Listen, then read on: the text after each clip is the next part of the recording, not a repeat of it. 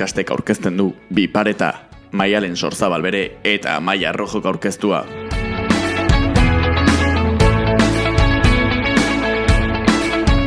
Hezkuntza masterra. Prekaritatetik ies egiteko tresna? Biparetako bigarren atal honetan, maialenek eta biok hezkuntza masterraren edo kap bezala ezagutzen den fenomenoaren inguruan hitz egingo du.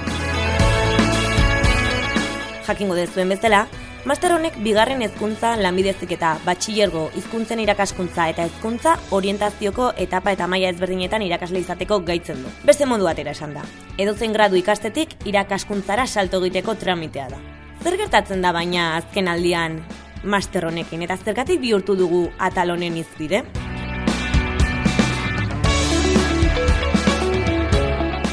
Gai hau jorratzaren arrazoietako bat, guri ere zuzenen eragiten digun aspektua da. Izan ere, bai maialenek bainik, masterrun aldeko apustu egin dugu, noizbait, irakasle izateko esperantzarekin.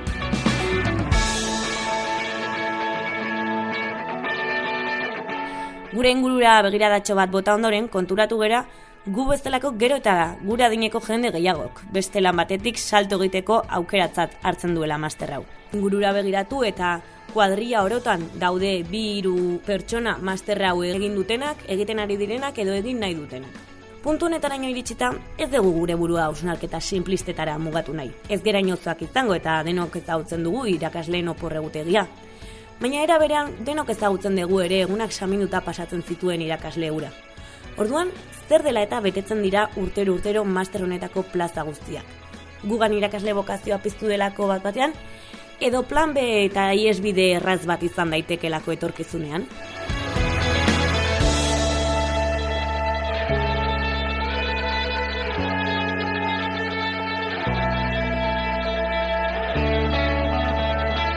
Gaur gurera, oraintxe bertan, master hori ikasten ari diren sei ikasleren ahots ekarri ditugu. Ikasle hauek oso desberdina dira adinari dagokionez, aurretik izan duten ibilbide laboralari dagokionez, motivazioi dagokionez eta master hau aukeratzeko helburuei dagokionez ere. Ikasle hauen ahotsak entzun aurretik guazen datu batzuk aztertzera lehenengo.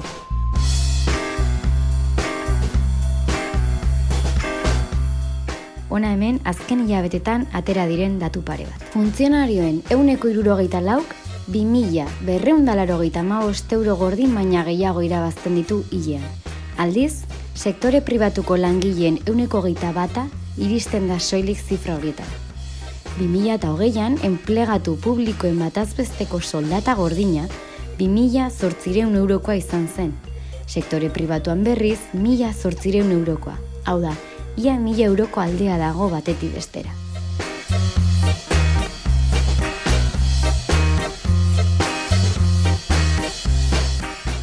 Gaztei begira, ikusi dezakegunez, hogeita hamar urtetik berakoek duela marka bat, baina berrogeita bi euro gutxiago kobratzen dute hilean. Batez besteko soldata ez da mila eurotara iristen, eta irutik bat pobrezia arriskuan dagoela diote datuek. Amasei eta hogeita behatzi urte bitarteko gazten bataz besteko soldata euneko bost jeitsi da 2000 eta maikatik. Ileko mila eta hogeita bost eurotik, ileko bederatzireun dairurogeita mairu eurora.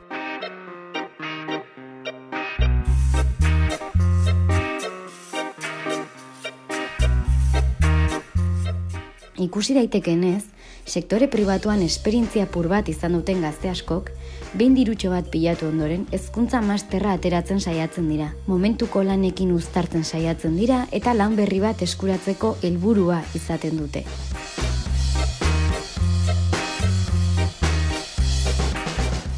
Nor hobeto errealitate honi buruz hitz egiteko ikasleak baino? Esan bezala, perfil oso anitzak biltzen ditu master honek.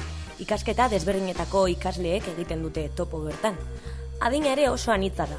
Gaurkoan, berrogeita bost, hogeita zazpi, berrogeita mairu, hogeita lau, hogeita mabost eta hogeita bi urteko ikasleekin hitz egingo dugu.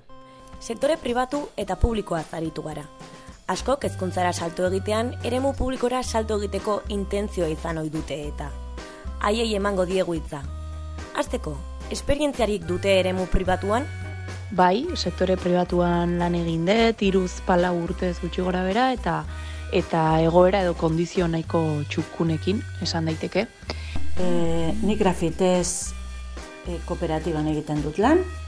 Mm, grafitex arte grafikoen sektoreko kooperatiba txiki bada eta bertan lau pertsona aritzen gara.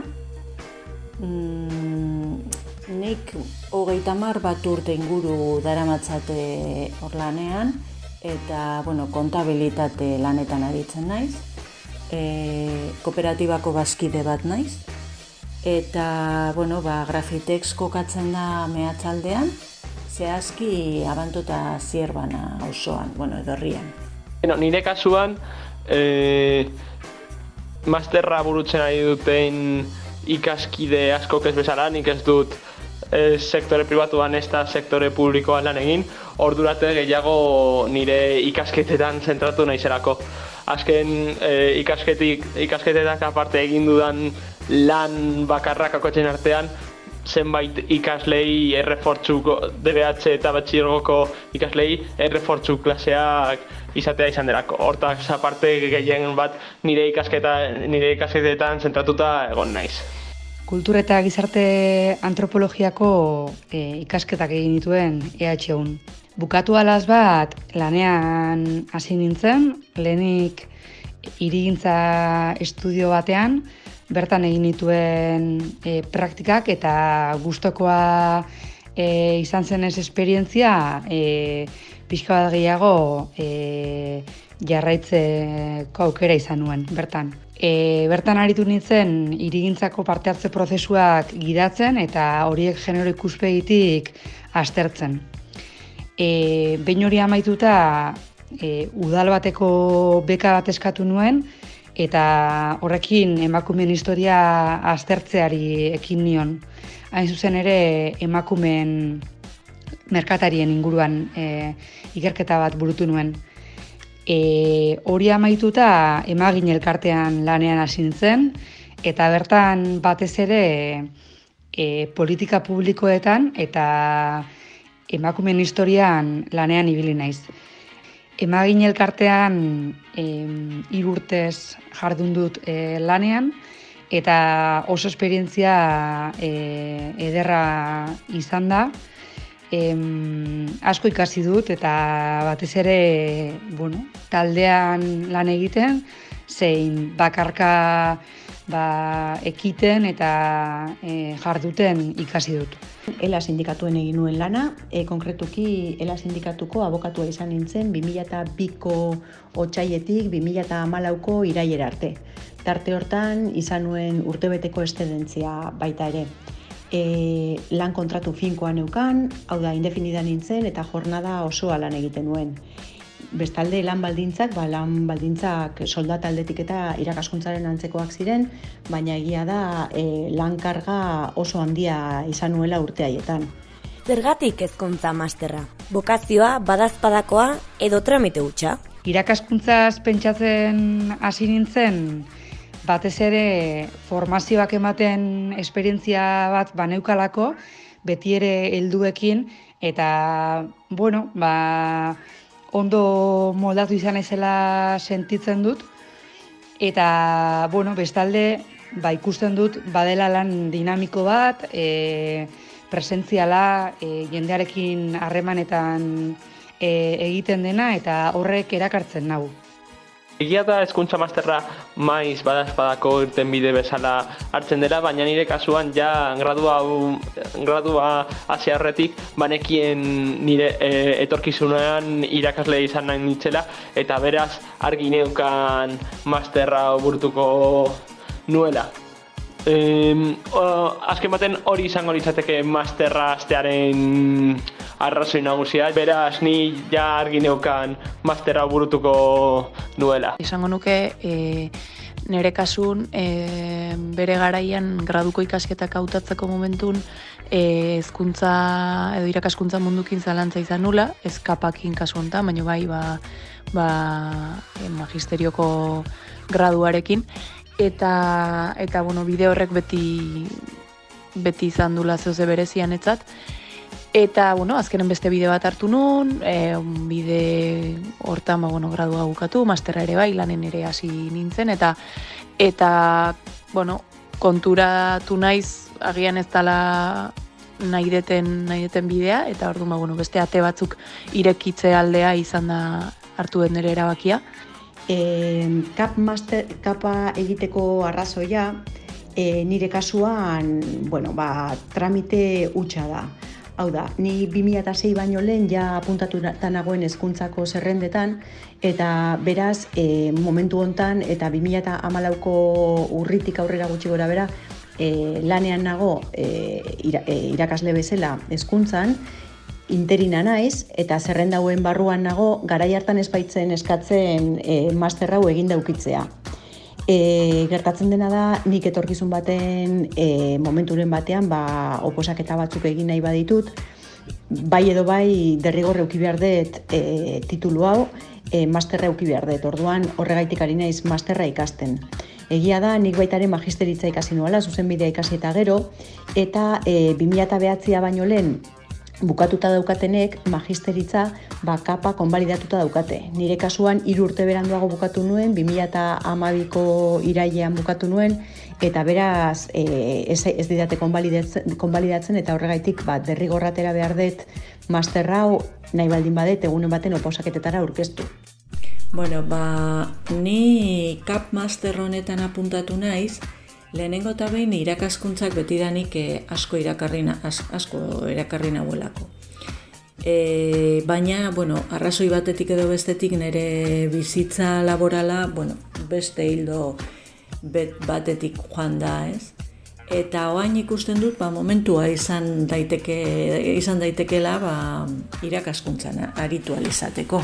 Beste, beste arrazoia da lanaren egoera nik telelana egiten dut eta lan e, ordu gutxi. Eta orduan ba bueno nik uste dut nire bizitza laboralak ba buelta bat be, behar duela ez?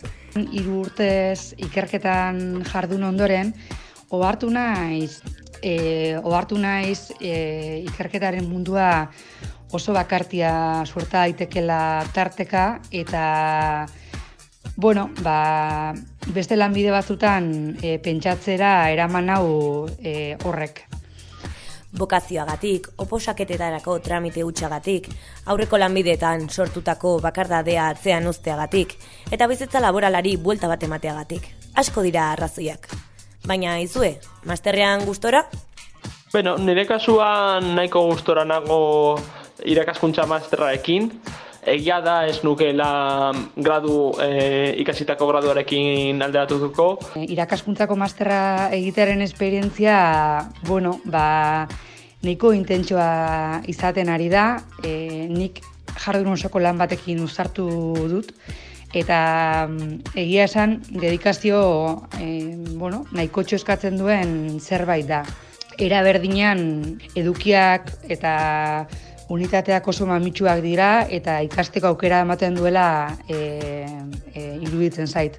Eta horrek ere e, aitortu behar daukat motibatzen, motibatzen nahuela. Eta bai gustora nabil, gustora nabil egiten, e, oso interesgarria iruditzen zait, e, jarduera asko egin behar dira eta astebeteko epeak batzutan nahiko motz geratzen zaizkit, baina bueno, e, e, moldatzen nahi naiz, moldatzen nahi naiz gustora nabil, masterra ikasten, baina egia da, e, ba, momentu honetan jornada osoan lanean nagoela, e, bi ume txikiren ama naizela, sei eta, oza, saspi eta bost urtetako umeen ama naiz, arratsaldetan ba, beraiek eskolatik ateratzen direnean, ba, arratsalde guztia beraiek zaintzen e, egoten naiz, eta beraz, ba, bueno, nire kasuan gertatzen ari zaidana da, ba, oso gogorra egiten ari zaidala dena batera egitea. Lana, umeak eta, eta masterra. Orduan, balde hortatikan e, gustora bai, e, baina, bueno, lankarga handiarekin. Oso guztua nago, lan karga dauka, eta, bueno, lan kargak beti, ba, pixu horrek, ba, ba, bueno, beti agobiatzen gaitu pixkat, baino, baino oso guztua nago. Azken galera bat, zuen inguruan, zuen autu berdina egin duen jende asko duzue? Lanbidez, gehien e, gorrotu dudan gauzetako bat, hain zuzen ere, tra, e, burokrazia edo tramiteak dira, ezta? Badirudi, lanbide bat probatu baino lehen, e, master bat egin behar duzula aurretik. Eta izugarrezko pena iruditzen zait, ze horrek oztopatzen digu e, ba, lanbide ezberdinak e, probatzea, ez da? Eta, eta uste dut hori, e, bueno, ba, oztopa handi bat, oztopa handi bat dela, benetan gure e, bizitzan zertara dedikatu nahi dugun erabakitzeko garaian. E, unibertsitate garaian ezagututako lagun desentek hautatu dute e, masterra egitea eta irakaskuntzako e, bueno, ba, lan hau probatzea azken urteetan eta guztiak esango nuke bueno, ba, gustora dabiltzala eta agian horrek ere egin du e, bueno, eragin du nik ere probatu nahi izatea, ez da? E, lagunak ondo ikustean, ba, ba pentsara zidit ere bai, bueno, zergatik ez, ez, nik ere probatu. Ba bai, e, ezagutzen dut jende gehiago ni bezala dagoena, Esango nuke eurek, eurak zoriontsuak direnez, ba, ba niri ere erakargarria egin zaidala. Ikusi daitekenez, sektore pribatuan esperientzia pur bat izan duten gazte askok, behin dirutxo bat pilatu ondoren, hezkuntza masterra ateratzen saiatzen dira momentuko lanekin uztartzen saiatzen dira eta lan berri bat eskuratzeko helburua izaten dute.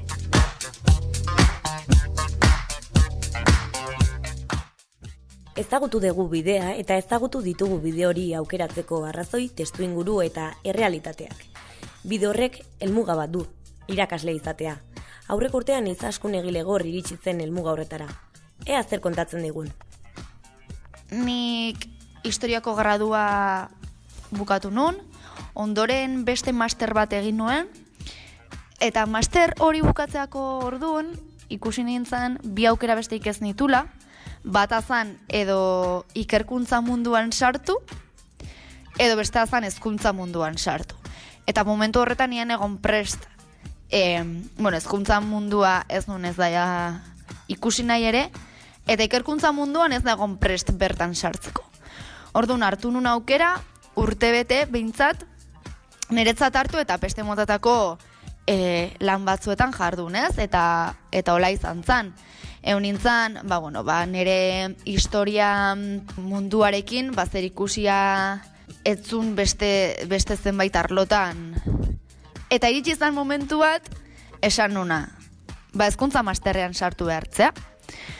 Zen, hogeita urtekin topatzen zea, ikasi dezula karrera bat, ikasi dezula master bat, eta zaudela zurearekin zer ikusia ezun beste amar mila lanetan. Eta nik ikusten nun, hogeita iru urtekin, neola edo sartzen zea ezkuntzan, edo agurzuk eh, egindako karrerari, eta agurzuk pentsatutako edo zenitun helburu guztiei, ez?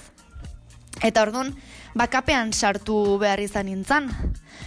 E, modu batera do bestera, hasieran izan zen, proa bat, ez zitzaiten bat ere gustatu, e, baina azkenen baizala zerbait eukiltzearen, ez? Eta hemendikan ba ezakitzen bat urtera besterik ez doa dago, ba behintzat hori daukat. Zortea izan nun, e, praktikak egin nituen ikastetxeak, bertan postu bat eskaini zidan, eta hori izan zen, e, kapean ikasi ez nuna, ikasteko parada. Izan zan, brutala zenbat ikasi nun, praktika batzuk izango balia bezala, baino zuzenean errotik eta eta ikasleekin. Eta izan zan pasadat bertan ikasi nuna ez. Eta egia esan, horrek edo hezkuntzak eman dit aukera, modu batera edo bestera, nire helburu profesionalak asetzeko, ez? Azkenen, eh, ezakit hitza asetuta den, baino bai, ezkuntzan sentitzen dut, nik nire helburu profesionalak ez azkenen oinarritzen dira edo kulturaren sozializazioan, ez? Kulturaren divulgazioan. Eta ezkuntzak, modu batera edo bestera, eman dit aukera, e, kulturaren eta ondare horren sozializazio horretan, edo gizarteratze horretan, ikasleekin egiteko aukera. Ez azkenen ikaslei erakusteko, ikasleek ikus dezaten gizartean zer dagoen, ez? Azkenen, nahi gustatzen zait erabiltzea zenbaitetan zenbait kontzeptu, edo zenbait hezkuntza teknika, ikasleekin normalean ikastetxetan erabiltzen ez direnak, eta azkenen nei gustatzen zait, ba, kulturia general deitzen zaion hori ikaslei transmititzea. Eta orduan hitza ezakita asetuta den, baino bai behintzat, eh, gustatzen zaitela momentu hontan egiten ari naizen lana. Eta irakasle bokazioa behin ez dut izan, baino guain bai egia da, aukera hau eskaini diatenez, ba, aprobetsatzen nahi naizela, eta esan bezala, ba, nire zertzeladak sartzen saiatzen naizela. Azkenean, e, lanpostu honek, edo ezkuntzak, e, eman dit aukera, bakarrik bizitzera juteko, eman dit aukera, kotxe bat erosteko, eta hemendik eman dit aukera, pixka bat, historian zeharrez, hogeita bost urtekin edo asetuta izan behar, e, edo gazteok asetuta izan behar ditugun gauza horiek asetzeko eta egiteko, ez? Edo beti zehaztu dian gauza horiek. Eta egia esan, naiz eta em, jarraipen horren oso kontra egon, ikusten dut hogeita bost urtekin, ezkuntzak eman ditela hogeita bost urtekin hori eukitzeko aukera. Ikusten denez, tituluak eta tituluak bere ganatzen ditugu. Graduak, gradu ondokoak, masterrak, baina ematen duenez, hau da tituluetan titulua. Galdera da, horregatik ordaintzen dugu hainbeste diru? Izan ere, sektore pribatutik ies egiteko tresna edo tramititxo hau ez da musutruk. Ez da diru gutxigatik ere. Lehen esan dugun bezala, unibertsitate guztiek master hau eskaintzen badute ere, master honetako plaza guztiak ziztu bizian agortzen dira. Hau baita urtero urtero master eskaintzan gehien begiratzen dena.